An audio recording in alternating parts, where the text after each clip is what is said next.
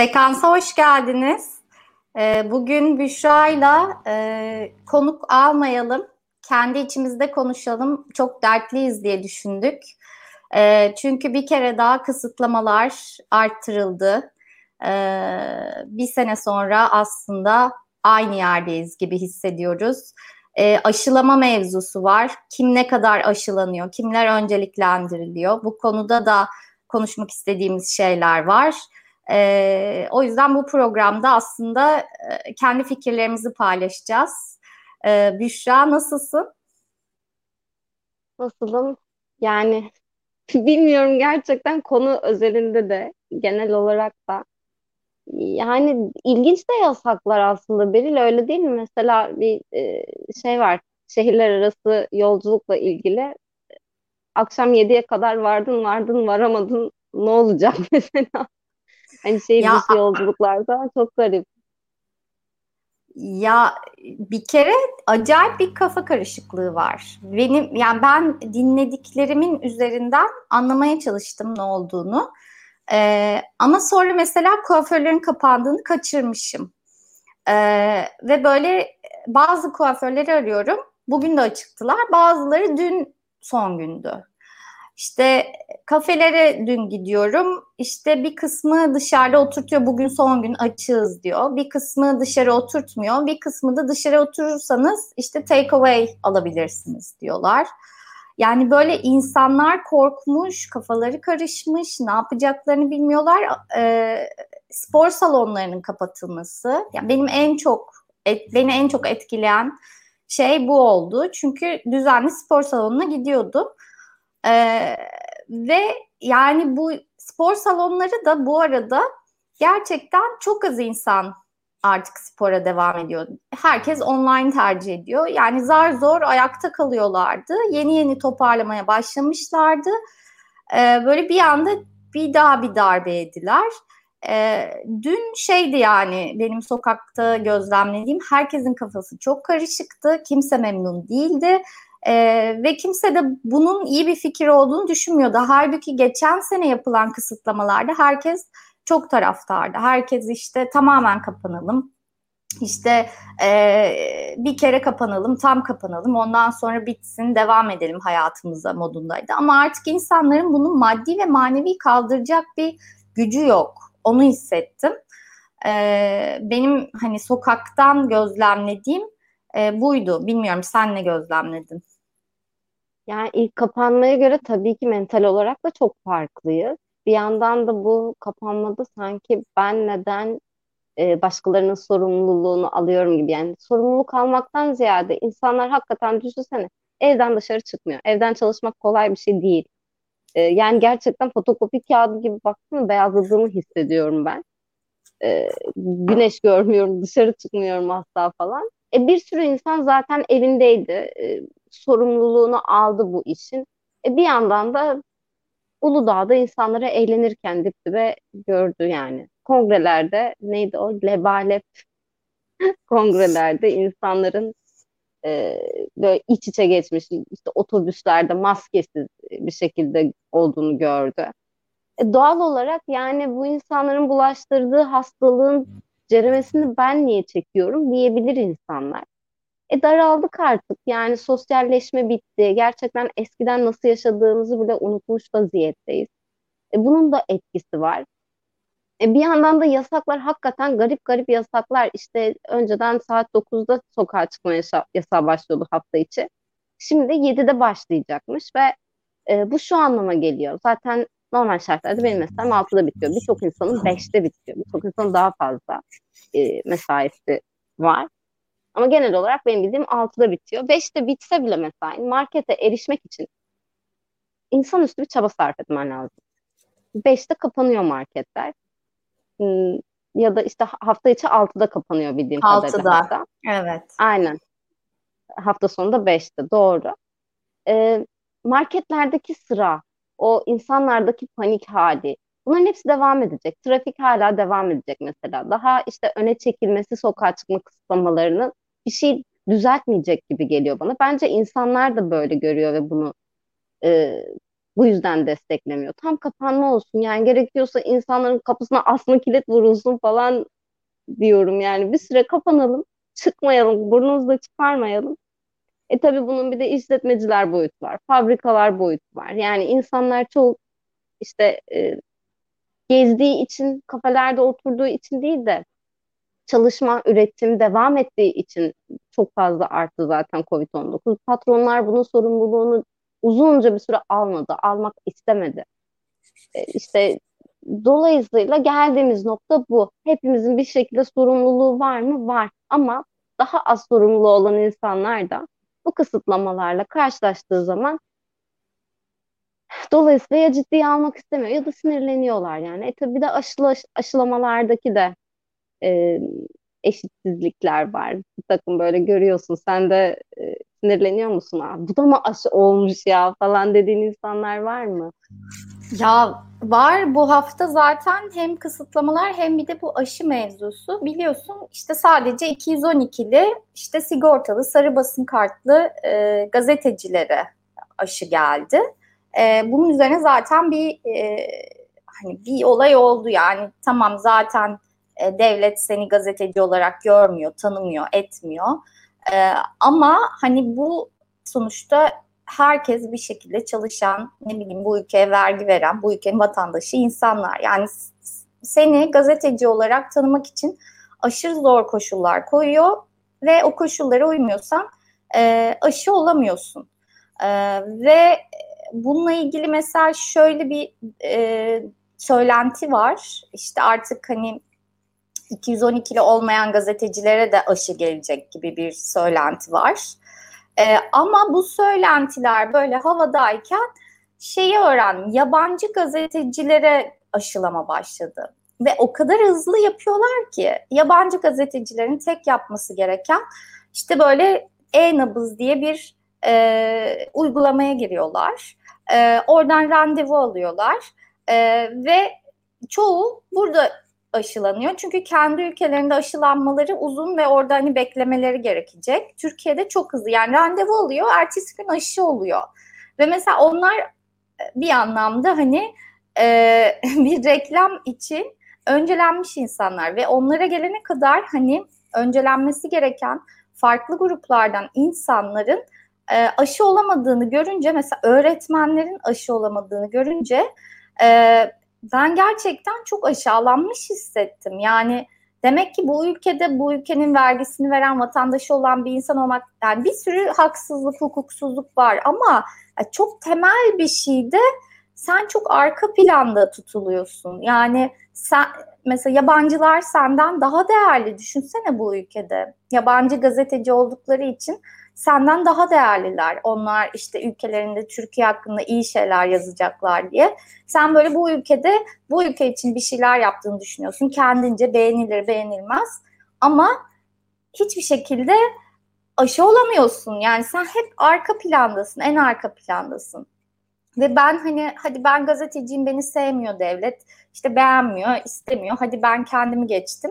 Ne bileyim benim işte bir sürü tanıdığım insan yıllarca bu ülkede çalışmış, vergi vermiş, bu ülkeyi sevmiş, sahip çıkmış bir sürü insan hastalıkları var, yaşları var vesaire ve aşı olamıyorlar yani. Böyle bir öyle randevu alıp ertesi gün istediği aşıyı seçip bir de aşı olmak gibi bir opsiyon onlara hiçbir zaman tanınmayacak. Yani Türkiye'de Türk oldukları için aslında ikinci plandalar. Türk olmasalar belki daha ön planda olacaklar. Yani ilk defa böyle bu ülkenin vatandaşlığının ne kadar böyle e, insanı ikinci konuma düşüren bir şey olduğunu böyle bizzat yaşayınca çok sarsıldım ben. Yani çok sarsıldım.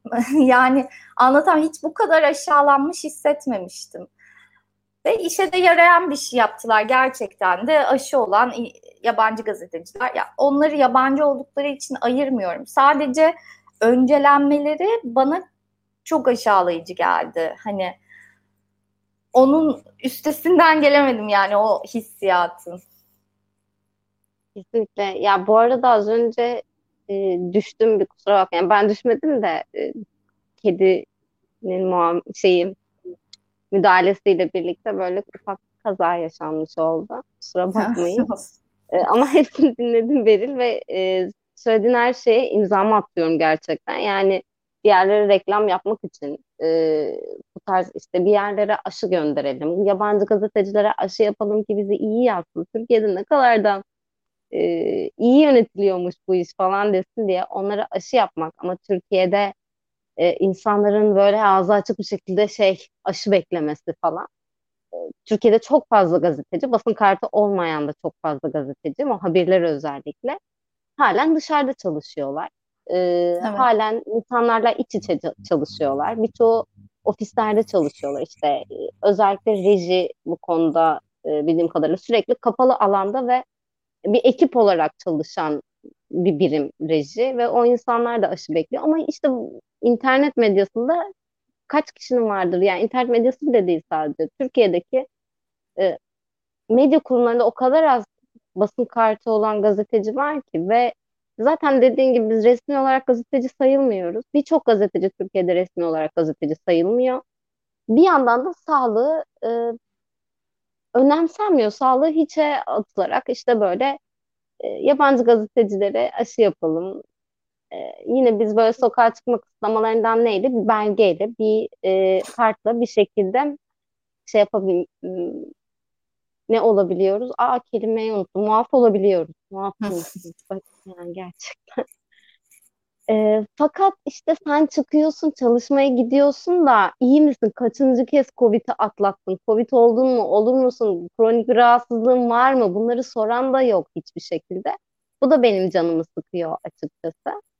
E, yani Türkiye şey vardı ya daha pandeminin başında ama Sağlık Bakanı çok iyi yönetti süreci falan diye böyle bir sürü insanın e, böyle söylemleri oluyordu gerçekten Covid sürecini de yönetemedikleri gibi aşı sürecini de yönetemediler.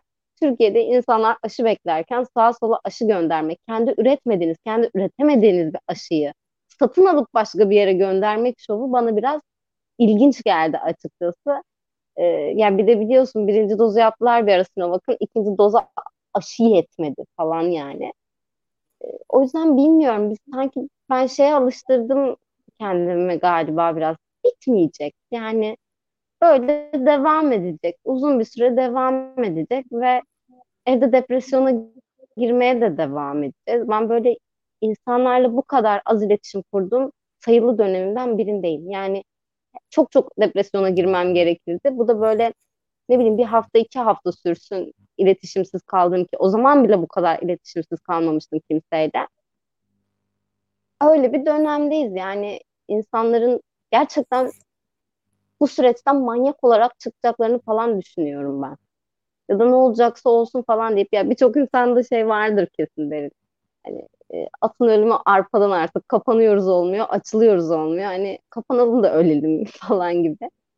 E, bu yüzden de belki insanlar bu son kapanmalara, son yasaklara o kadar ciddi yaklaşmamış olabilir gibi geliyor bana. Yani sonuçta biz ya şu açık Türkiye full kapanmayı karşılayabilecek bir ekonomide değil yani böyle bir şey yok. O insanların e, giderlerini karşılayacak, o insanlara para verebilecek bir durumda değil, olmayacak. Yani tam kapanma diye bir şey olmayacak. Kaldı ki tam kapanmanın çözüm olduğunu düşünmek de e, tuhaf aslında. Şu an hani hastanelerde yığılma var ve onu e, yavaşlatmaya çalışıyorlar ama e, şu ve şu da enteresan. Türkiye'de vaka sayısı üzerinden konuşuluyor bu mevzu. Ölü say, ölüm sayısı üzerinden değil. E, ve vaka sayısı yüksek. E, 60 binlere dayandı.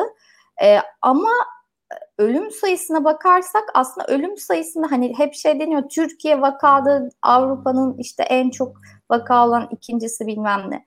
Ölüm sayısına bakarsak Türkiye'de ölüm e, vaka gibi yüksek değil ölüm oranı e, nispeten düşük. Bir kere böyle bir şey var. Çünkü nüfus genç aslında. E, böyle bir durum var.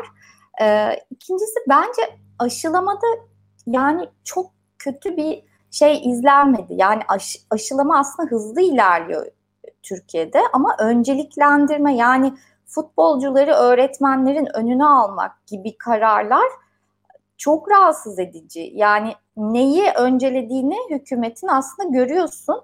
Ee, ve o o, o kararlarla balı yani o kararları kabul etmek, hazmetmek hiç kolay değil. Bence asıl problem oradaydı. Yoksa sistem olarak aslında aşılama hızlı yürüyen bir süreç. Ee, bir de şöyle bir şey var tabii. Şimdi insanlara seçenek sunmaya başlamışlar. İşte Sinovac mı olursun e, yoksa e, BioNTech'in e, aşısını mı, Pfizer'in aşısını mı olursun diye. Şimdi ya bu da mesela yani seçenek sunmaları güzel bir şey ama şimdi sana şey diyor yani git oku araştır kafana göre karar ver diyor. Yani bunu aslında devletin seçip de yapması gerekmez mi? Ne bileyim en iyi aşıyı getirip sana zaten sunması en iyisi bu demesi gerekmez mi? Hani seçenek olması kötü bir şey değil ama bunun insanlara bırakılması da hani böyle insanların kafası karışık. Aslında hani bir yandan güzel bir şey ama bir yandan da neye göre seçeceksin? Şimdi ben mesela düşünüyorum. Diyelim ki ben aşı olabileceğim. Ee, hangi aşıyı seçerim? Şimdi Sinovac eski eski usullerle üretilmiş e, işte old school diyebileceğimiz tarzda bir aşı. E, ama yani hani bu tarzda aşılar zaten dünyada bilinen aşılar. Dolayısıyla mesela Sinovac e, senin aslında hastalık hastalıktan korunmanı sağlamıyor. Ama hastalığı kaptığın zaman çok hafif geçirmeni sağlıyor. E, ama yine bulaştırıcılığın devam ediyor.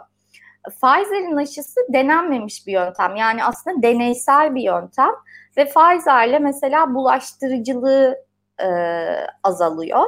E, ve sen yüzde 90 küsür oranlarında hastalığa yakalanmıyorsun.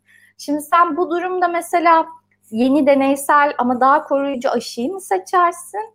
Sormuş olayım buradan sana. Yoksa eski usul yapılmış, aslında denenmiş, etkinliği bilinen ama koruyuculuğu düşük %50'lerde olan ve e, hala insanlara bulaştırabildiğin aşıyı mı seçersin? Yani ben şimdi aa, hiç beklemediğim bir soru geldi şu an.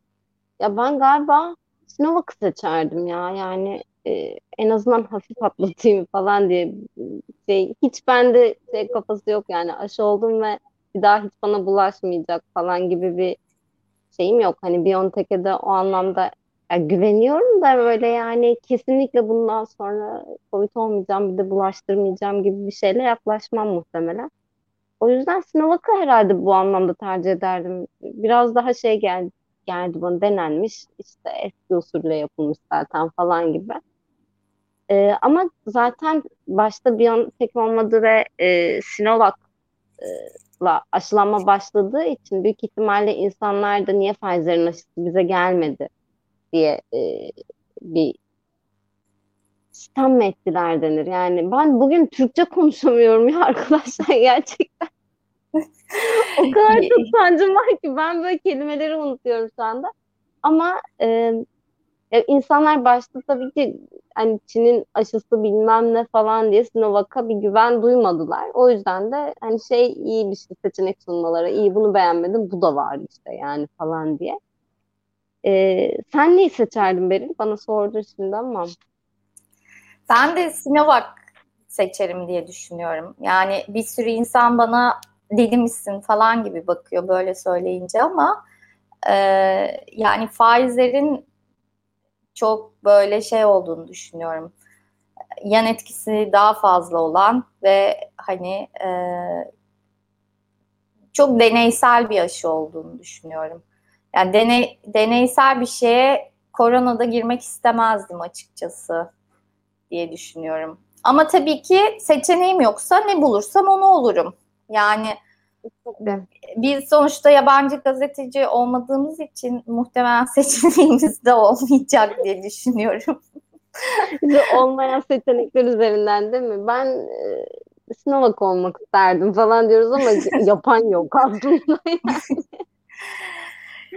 Bak mesela Ayüce şey demiş. Abimin de hekim olmasıyla beraber onun da önerisiyle ebeveynlerim Sinovac oldular. Bana da sıra gelince Sinovac olacağım demiş. Evet, bak burada da bir e, doktor önerisi olarak kalsın. Yani bana yani, bana da mantıklı gelen o. Ya evet işte şimdi yarın bir gün ben bundan çok korkuyorum zaten işte tabii ki aşı karşı değilim. Öyle bir şeyden bahsetmeyeceğim şimdi. Öyle olacak gibi hissettim bir an ama yani yarın bir gün nasıl yan etkisi çıkar? Hani böyle bir şey olur mu falan. Böyle, böyle bir pimpiriklendim. O kadar pimpirikli bir insan da değilim yani ama e, Sinovac bana da biraz daha güvenilirmiş gibi geliyor şu anda. Evet. Ama bilmiyorum işte bir yapsalar aslında gerçekten yalandan da olsa böyle bir yapsalar e, biraz rahatlayacak içimiz. E, ama şey iyi mesela hakikaten 65 yaş üstünün öncelenmesi bu anlamda çok iyi. En işte ölebilir yani böyle demem de ne kadar doğru oldu bilmiyorum ama hani Covid sonrası en ölebilir kesimin birdenbire aşılanması, öncelikle aşılanması iyi. Ama işte futbolcuların evet.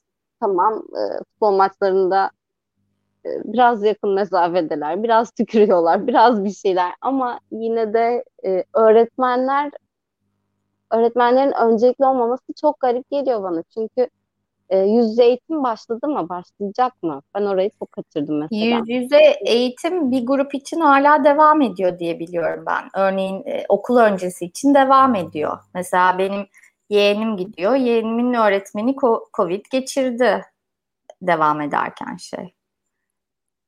Evet işte yani öğretmenlerin böyle bir durumda aşılanmaması gerçekten çok garip yani. Ve zaten öğretmenlerin ben hep böyle şey gibi görüyorum. Özellikle son birkaç yıldır ve evlat muamelesi edildiğini hissediyorum öğretmenlere. Her konuda böyle.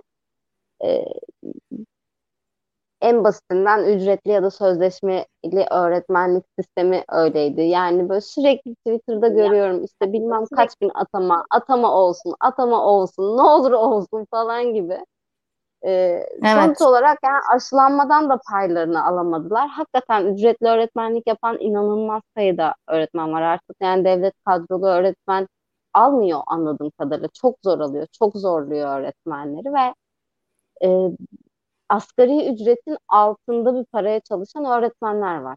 Çok da fazlalar. Çünkü ders başına alıyorlar. Kar yağsa karı yağdıran öğretmen değil ama öğretmenin maaşı kesiyor. Bayram olsa bayramdan maaşı kesiliyor. O yüzden şimdi de o insanları böyle biraz hastalığa terk etmek e, cidden öğretmenler böyle üvey evlatmış gibi hissediyorum ben. Hadi e, ben evden çalışıyorum. Birçok gazeteci tamam dışarıda çalışıyor. insanlarla iç içe çalışıyor ben öncelikli olarak aşı olayım demiyorum ama öğretmenler için aynı şey e, geçerli değil tabii ki. Ha, tabii bu arada şey de var. 65 yaş üstü aşılandı hatta 60 yaşa indi aşılama. Ama 65 yaş üstüne yine yasak geldi. Yani gerçekten o durum hani 65 yaş üstü insanlara yapılan o sokağa çıkma. Biri Twitter'da yazmıştı ya Wuhan'daki Wuhan'da çıkan virüs yüzünden Konya'da amcanın altından e, banka çektiler diye yani insanlar şey 65 yaşının üstünde olsam hadi tamam 65 o kadar ölüme yakın olmasın. Yani ne bileyim evde geçirmek istemem ya Beril o zamanlarımı da. Biraz gezeyim dolaşayım zaten yaptıkları bir şey yok. Çimlerde uzanıyorlar çoğu falan. İşte ne bileyim sahilde banklarda oturuyorlar garip yani çoğunun da şey düşünüyorum. Şimdi evde çoluk çocuk var, gelin var, torun var, torba var. E, daralıyor yani.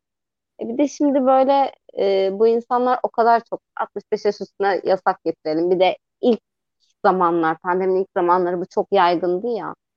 E, sokakta gördüğü yaşlı insanlara avlamaya çalışıyordu insanlar videoya falan alıyorlardı. Hmm, evet evet polislik yapıyordu insanımız.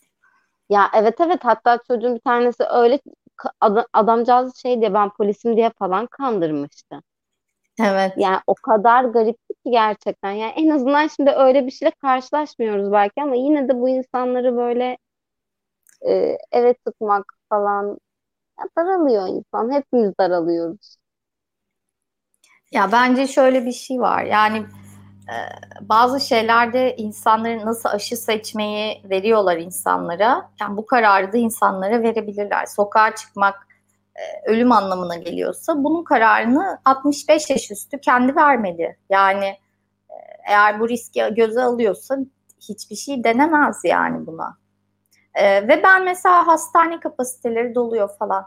Hani neden o zaman yeni hastaneler yapmıyorlar? Çin yaptı bunu yani. Neden işte e, buna bir şekilde sağlık kapasitesini arttıracak şekilde bir hazırlık yapmıyorlar?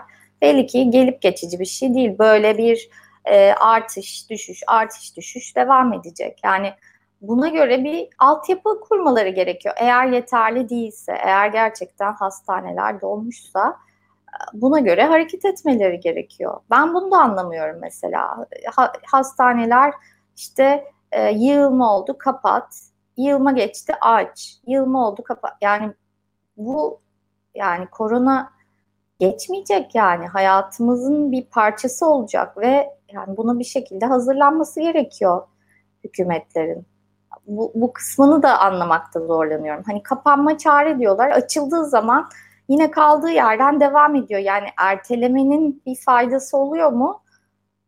Olmuyor. Hatta varyantlar çıkıyor. Daha bulaşıcı, daha öldürücü, daha bilmem ne şeyleri çıkıyor. Yani bilmiyorum ben kapanmanın çözüm olduğunu düşünmüyorum açıkçası.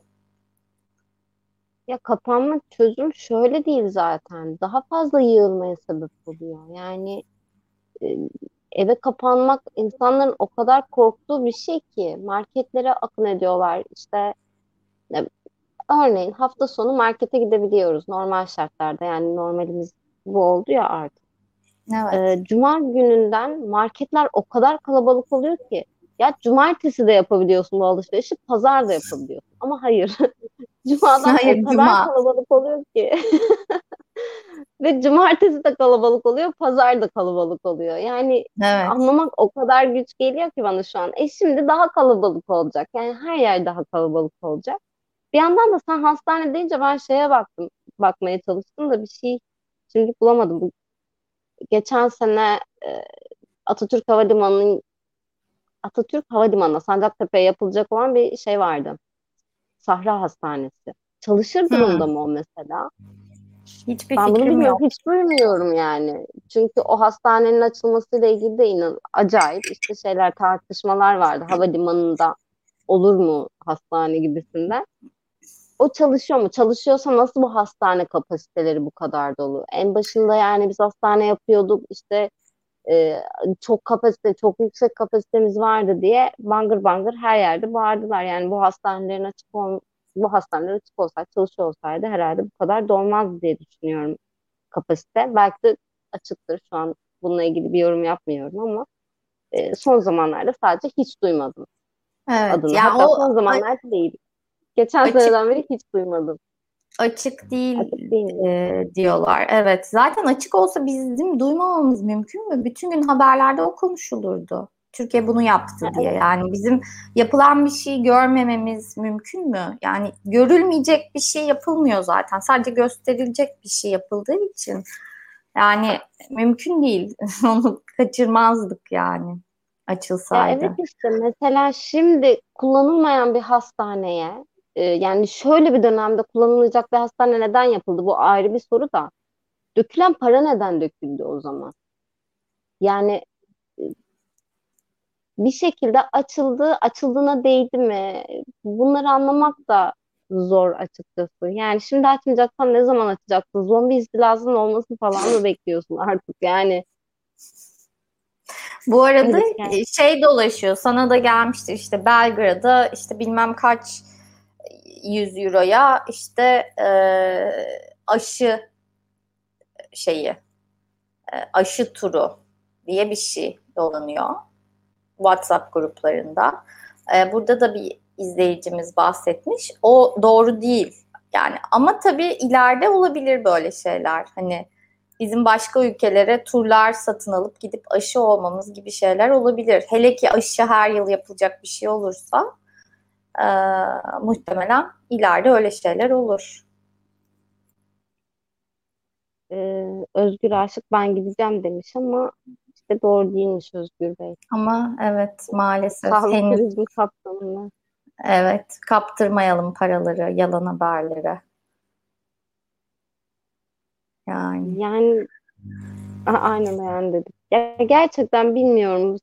Ya şu dönemde bitsin artık veril yani böyle evde kalmaktan da çok daraldım. kendimi hep hastaymış gibi hissediyorum. Sen Covid geçirdin mi bu arada? Yok.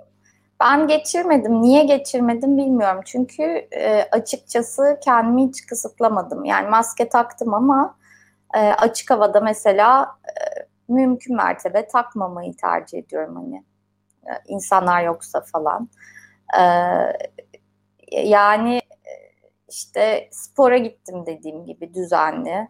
İşte hatta pandemi döneminde spora düzenli gitmeye başladım. Önceden gitmiyordum yani.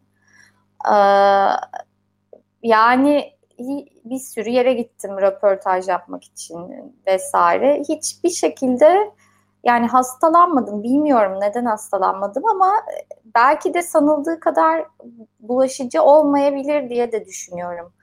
Ee, gerçi şu anda gerçekten bir sürü insandan hani Covid olduğunu du- şey duyuyoruz, ediyoruz.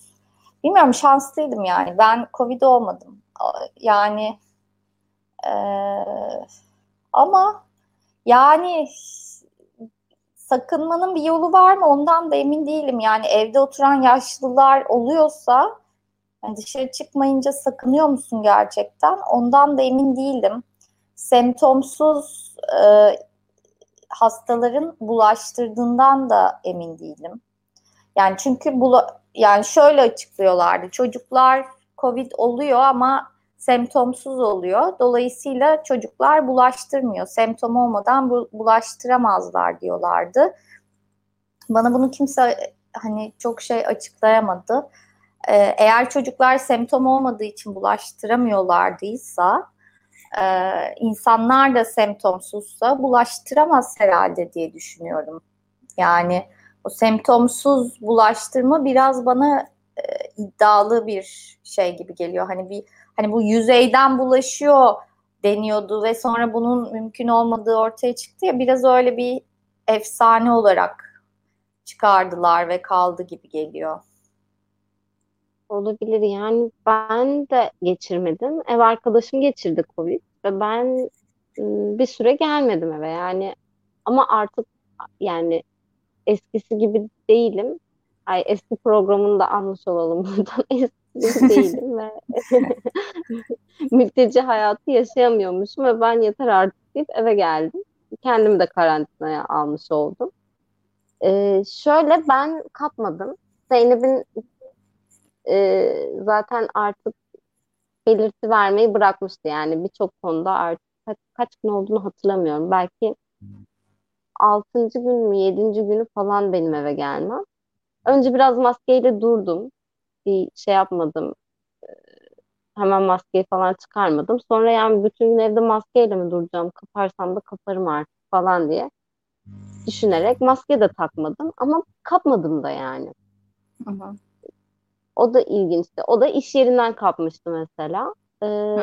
Onun dışında bakayım başka Covid Aa, bu ilk açılma işte kapanma sonrası açılma döneminde de e, bir hep beraber oturduğumuz bir arkadaş grubunda bir arkadaş da çıktı. Ondan da kapmadım. E, onun dışında da çok böyle Covid benim bildiğim en azından birileriyle Hı çok yakın temasta olmadım ama senin dediğin gibi ben de öyle kendime çok dikkat etmedim. En fazla top taşımada böyle direklerden tutunmayayım da şöyle şuram, şuramı falan dayayayım. Hmm. E, dengede durmayı öğrendim mesela. İşte açık havada ben de kimse yoksa maskemi çıkardım çünkü boğuluyorum yani. Ki ben açık havada böyle tenha tenha yerlerde maske takma dayatmasını doğru bulmuyorum. Hı hı. Ee, onun dışında yani arkadaşlarımız da geldi eve. Biz gittik. Bir şey hani öyle çok iç içe olmadık belki ama aşırı bir dikkat ettim, aşırı da bir böyle özen gösterdiğim söylenemez. Ha, ne yaptım? Kongreye gitmedim mesela. Belki bu olabilir. Onun dışında bakayım. Ee, böyle çok bir şey yapmadım. Yani eyleme gittim. İstanbul Sözleşmesi için Kadıköy'deki eyleme gittim. Kongrenin yanından geçmez oradaki kalabalık zaten ama 3-4 tane maske takıp gittim yani. Ama zaten açık hava yani orası. E tabii yani. Zaten Kadıköy'de o iskele meydanını bile tamamen doldurmamıştı kalabalık. Açık havaydı ve 3-4 tane maskem vardı. Kimseyle de böyle öpüşüp koklaşmadım yani ve e, olabildiğince de uzak uzak durmaya çalıştım insanlardan ki e, birçok arkadaşım da gitmişti. Bilmiyorum şu an herkes ne durumdadır, Covid çıkan olmuş mudur? Ama geçenlerde şey gördüm. E, AK Partili bir me, Ümraniye Meclisi bir şey var. Bir il başkan yardımcısı mı bir kadın şey yazmış. Arkadaşlar nasıl korunuyorsunuz bu kadar? Ben 6 ay içinde ikinci kez Covid oldum da falan yazmış. Görmüşsündür belki. Biri de kongreye gitmediğimiz ya, için. ya kendi kendine var, ele vermeleri. Var yani var. Ee, iki kere olanlar var gerçekten. O da bence şeyi şeyin sinyali yani bu hastalık kalıcı ve hani grip gibi olabi sürekli olabileceğimiz bir hastalık türü yani. Hani öyle bir kere olup geçeceğiz ve e, şey durulacak gibi değil. Peki ikincisini daha mı sert geçirmiş bu kişi? Hiç bilmiyorum. Ben kadın ha. tanımıyorum. Twitter'a bunu yazmış sadece. Ha. Ee, yani şimdi böyle kongrelere falan gittikleri için insanlar doğal olarak sinirlenmiş. Zaten ondan dolayı kongrede işte bulaştıracaklar diye işte sinirlendikleri için kongreye giden insanlar. Öyle bir tepki gelmişti. Ama ikinci kez geçiren kimseyi tanımadım ben şu an ne kadar etrafında öyle biri zannediyorum ki yok. Asıl ben şeyde Ama, sarsıldım. Pardon, devam etsen. Yok yok sen devam et bitmişti zaten. Şeyde de sarsıldım ben. Sürekli sarsılıyorum zaten bu Covid mevzusu üzerinden. Ee, bu e, şey mevzusu. Yani bu kısıtlamalar vesilesiyle insanlar çok kontrol edilebilir hale geldi. Yani insanları eve kapatabiliyorlar, ee, insanlara işte zorla her yerde maske taktırabiliyorlar, insanları işte HES kodu olmadan hiçbir yere giriş yaptırmıyorlar falan gibi acayip bir e, gözetim dönemine girdik. E, ve yani ben Türkiye gibi ülkelerde e, işte bu gözetimden vazgeçeceklerini düşünmüyorum. Yani bence dünyada da vazgeçmeyecekler ama Türkiye'de özellikle bu çok iyi bir şekilde kullanılacak. Ee, ve geçenlerde işte Amin Maluf'la yapılan bir röportaja denk geldim. Orada da mesela Amin Maluf şey diyor işte bu pandemi bebekleri var işte 2020'de 21'de doğanlar. Onlar diyor gözetimsiz bir dünyada yaşamanın ne olduğunu asla bilmeyecekler diyor. Yani böyle hani böyle şu anki yaşadığımız sıkılıkla yaşayacağız. Gözetim altında yaşayacağız. Ve onlar hani bizim o geçmişte pandemi öncesi yaşadığımız dünyayı hiç bilmeyecekler, hiç tanımayacaklar diyor. Ee, ve bütün bunların aslında işte 11 Eylül'de olduğu gibi nasıl 11 Eylül'de kaldıysa bunların da kalacağını düşünüyor. Yani düşünsene insanları cenazeye gitmemeye ikna ettiler. Covid'li cenazesi diye. Ne bileyim bu bunu bunu yapabilmek insanlara çok e, aslında ileri bir nokta. Hani bunu kontrol edebilmek. Cenaze Covid'li cenazesi gitmeyin işte. Düğün yapılıyor gitmeyin. Bilmem ne. Sokağa çıkma yasağı işte 10 gün çıkmayın asla çıkamazsınız. İşte Yunanistan'da işte mesaj geliyor öyle çıkabiliyorsun evinden falan. Bunu yaptılar yani. Hani bu çok kullanışlı bir şey ve çok kullanılacak bir şey. Ben e, onu da düşününce biraz sarsıldım açıkçası. Evet aslında düşününce bu hayata sarıl hayata sarıl başka bir şeydi ya. Hayata ve sağır uygulaması. Hay hayat Hayata sarı lokantaydı değil mi? Çok özür dilerim. Hayata evet sığar. Hay, hayat evet sığar. Hayata sarı.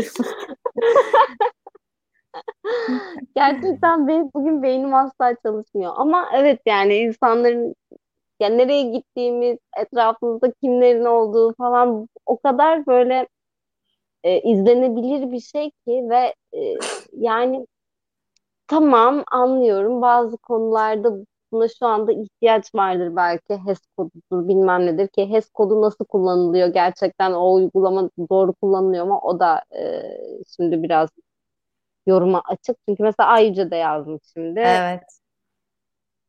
evet alamadım ekrana. İşte insanlar HES kodunu satıp e, insanla Covid'li insanların gezmesine sebep olabiliyormuş. Bunu sağlayabiliyormuş. Gerçekten Türkiye'de böyle bir ticari zeka da var. Her şeyi paraya çevirebiliyoruz. Çünkü çok e, parasızız falan. Ama yani düşününce sadece bu şey değil e, Covid-19'u önlemeye dair yasaklardan bahsetmiyoruz. Mesela hafta sonu neden alkol alamadığımıza dair mantıklı bir açıklama yok.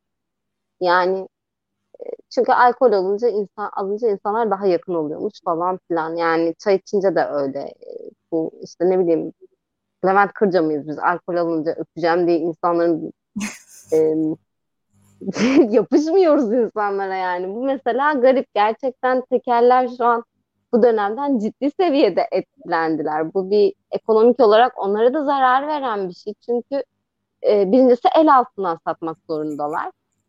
E, ve sanki çok yasa dışı bir şey alıyormuş gibi insanlar. Arıyorsun, e, bir ortak buluşma noktası belirliyorsun. Çünkü dükkana giremezsin polis izliyormuş meğer falan. Çünkü kurye, kurye getiremez polis çeviriyor.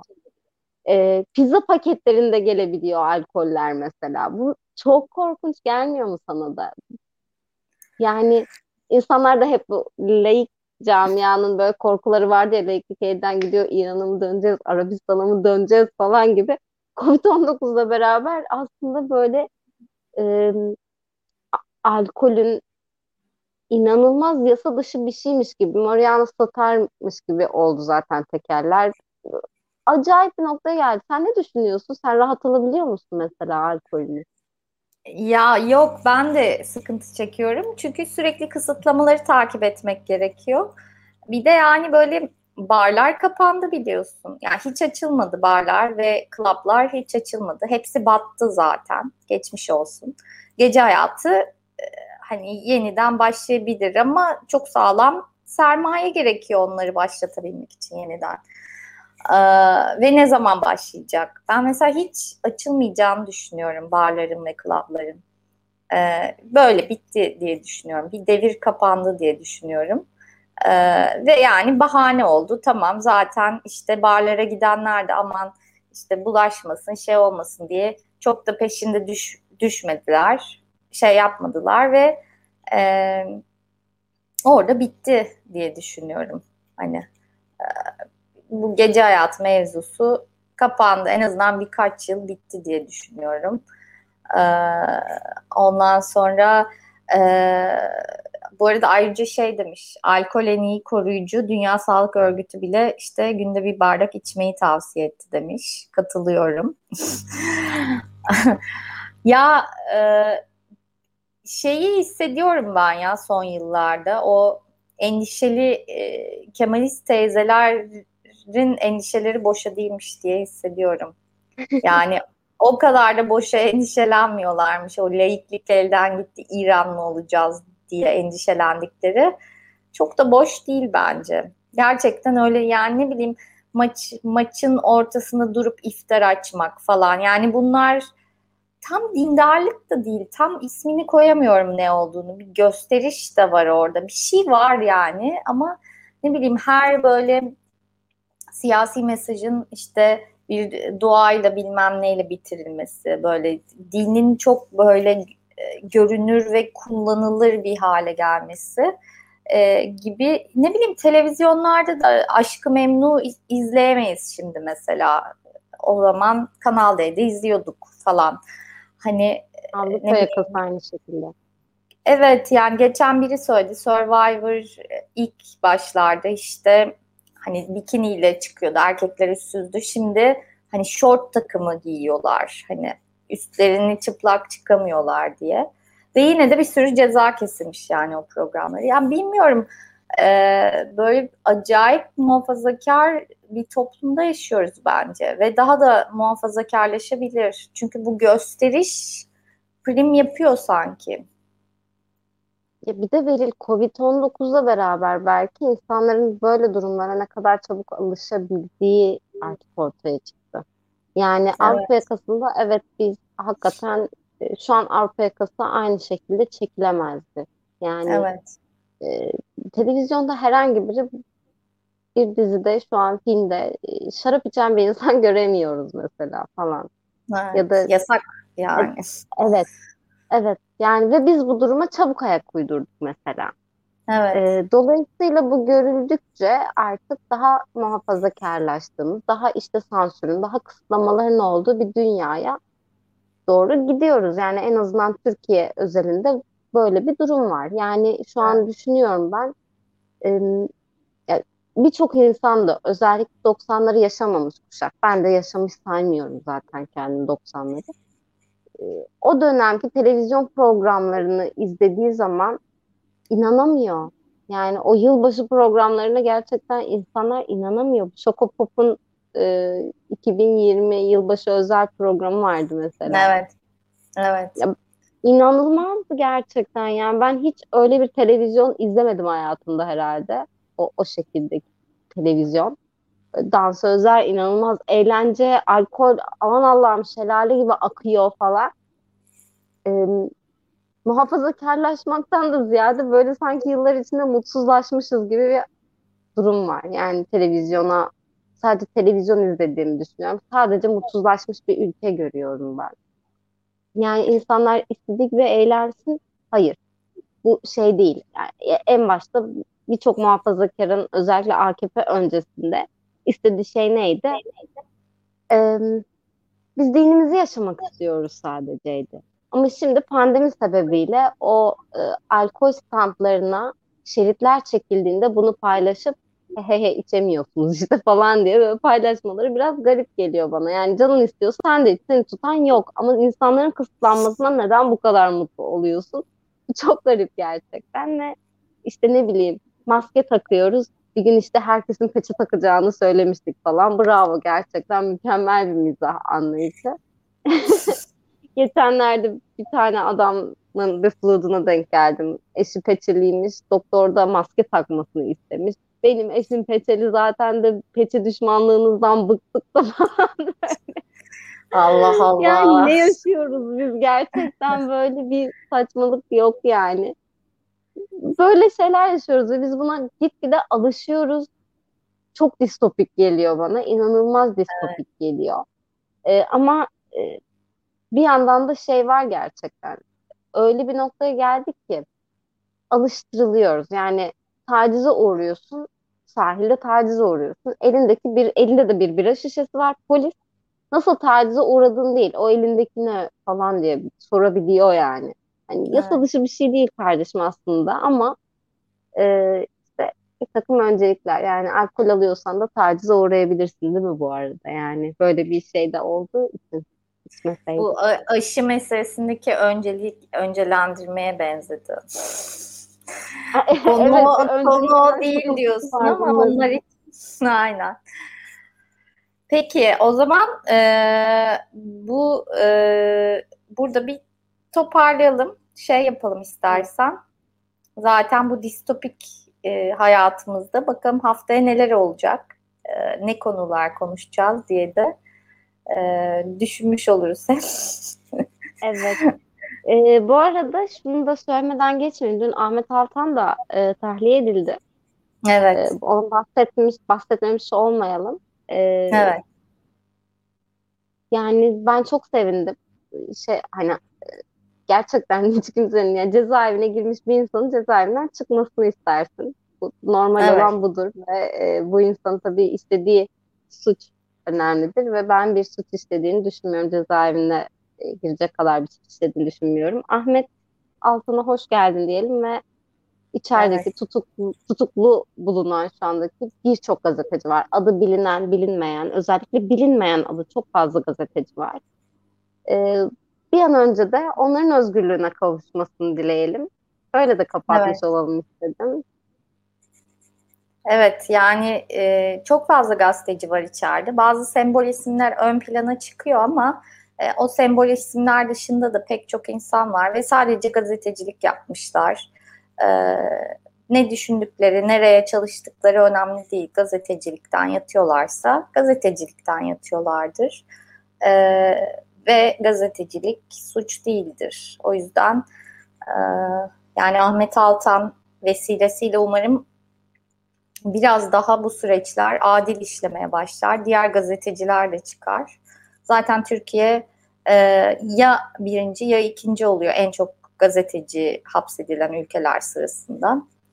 E, belki bu sene bir şeyler değişir ama şey çok tatsızdı yani infaz yasası döneminde de yine öncelik hani gerçekten adi suç işleyenlere verildi ve onlar çıkarılırken e, adi suçlular salınırken e, gazeteciler, siyasetçiler, işte sivil toplum insanları içeride kalmaya devam etti.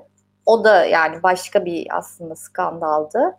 E, belki artık Ahmet Altan vesilesiyle artık ahim kararlarını uygularlar ve gazetecileri e, ve diğer hani düşünce mahkumlarını dışarı salarlar diyelim. Öyle umalım. Öyle umalım. Ee, ama umalım ki e, saldıkları gibi akşamına da geri almasınlar. Böyle şeyler de yaşanıyor burada çünkü. Evet, evet. Yani Osman Kavala'da böyle e, insanların sevincini kursağında bıraktılar gerçekten. Ahmet Altan'ın da başına geldi bu. Ee, evet. Önce bir çıktı sonra geri cezaevine koydular falan. Ee, umalım ki herkes adil yargılansın ama gazetecilik, yargılanan gazetecilik olmasın. Çünkü Türkiye'de mükemmel yapılmıyor gazetecilik. Ee, hiç hı hı. ceza almayan, nefret söylemini de yaygınlaştıran, yalan haberler de yapan pek çok gazeteci ve pek çok gazete bulunuyor. Hı hı. Ee, dolayısıyla böyle bir çifte standart da var. E, o yüzden gazetecilik onlar da cezaevine girmesin de hani kimse evet. cezaevine girmesin bence de. yaptığı haberden dolayı yalan da olsa yaptığı bir haberden dolayı bunun yaptırımı çok daha farklı şekilde olmalı. E, umalım ki herkes özgür olsun.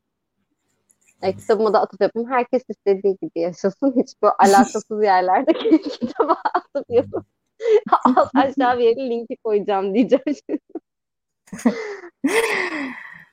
Tamam, o zaman kapatalım bence. Tamam. Kendinize iyi bakın. Ee, haftaya görüşmek üzere. Hoşçakalın. Hoşçakalın.